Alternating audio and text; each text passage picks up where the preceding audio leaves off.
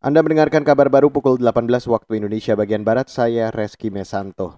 Kapolda Sulawesi Barat Eko Budi Sampurno memerintahkan jajarannya di empat Polres untuk mengawal distribusi logistik bantuan bagi warga terdampak gempa bumi. Hal ini disampaikan juru bicara Mabes Polri Ahmad Ramadan. Alasannya kata dia untuk mengantisipasi potensi penjarahan yang sempat terjadi di Jalan Poros Majene Mamuju oleh sekelompok orang beberapa waktu lalu.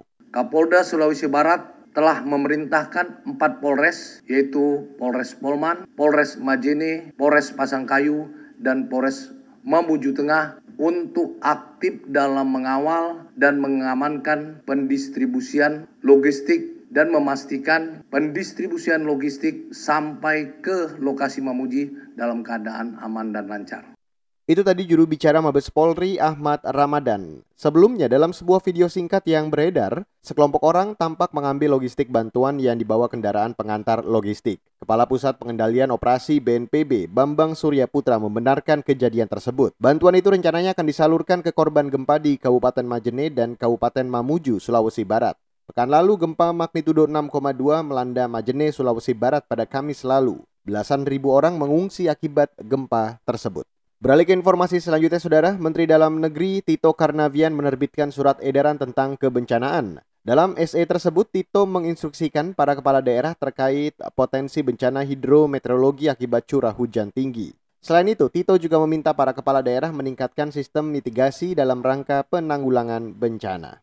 Saya sudah mengeluarkan surat edaran bahwa ada potensi berdasarkan uh, perakiraan dari BMKG ada namanya uh, bencana hidrometeorologi yang berasal dari perubahan cuaca, hujan dan lain-lain, curah hujan yang sangat tinggi. Ini berakibat nanti air, longsor dan lain-lain. Kemudian juga mungkin bencana alam, earthquake ya, gempa dan juga letusan gunung berapi, volcanic eruption Mendagri Tito Karnavian menambahkan, pemerintah daerah juga harus menyiapkan anggaran dalam bentuk belanja tidak terduga, selain mengandalkan bantuan dari pemerintah pusat.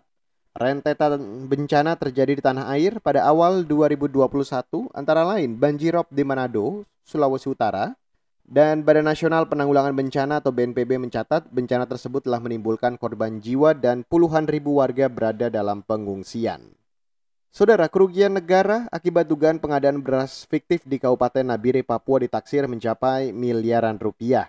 Hal ini diungkapkan Kepala Kejaksaan Tinggi Papua, Nikolaus Kondomo. Kata dia, kasus itu terjadi pada periode 2017-2018. Kasus ini bermula ketika Bulog Nabire melaporkan kepada Bulog Papua soal pembelian beras dari petani setempat sebanyak 100 ton lebih. Namun saat Bulog di Free Papua melakukan audit, Ditemukan kejanggalan dalam laporan Bulog cabang Nabire. Mereka lantas melapor ke kejaksaan. Setelah orang ter terkait dengan penguasaan di Bulog sendiri mengatakan bahwa belum ada pembelian dari Bulog. Ini kita melihat bahwa ada perbuatan laku dan indikasi perbuatan tindak pidana korupsi dan mengakibatkan kerugian negara. Kalau kita itu ada 10 miliar lebih. Kepala Kejaksaan Tinggi Papua, Nikolaus Kondomo mengatakan kasus dugaan pengadaan beras fiktif itu kini sudah masuk tahap penyidikan. Akan tetapi, penyidik belum menetapkan tersangka dalam kasus dugaan pembelian beras fiktif itu. Dan saat ini penyidik masih mendalami keterangan para pihak, barang bukti dan sejumlah data sebelum menetapkan tersangka. Demikian kabar baru KBR saya Reski Mesanto.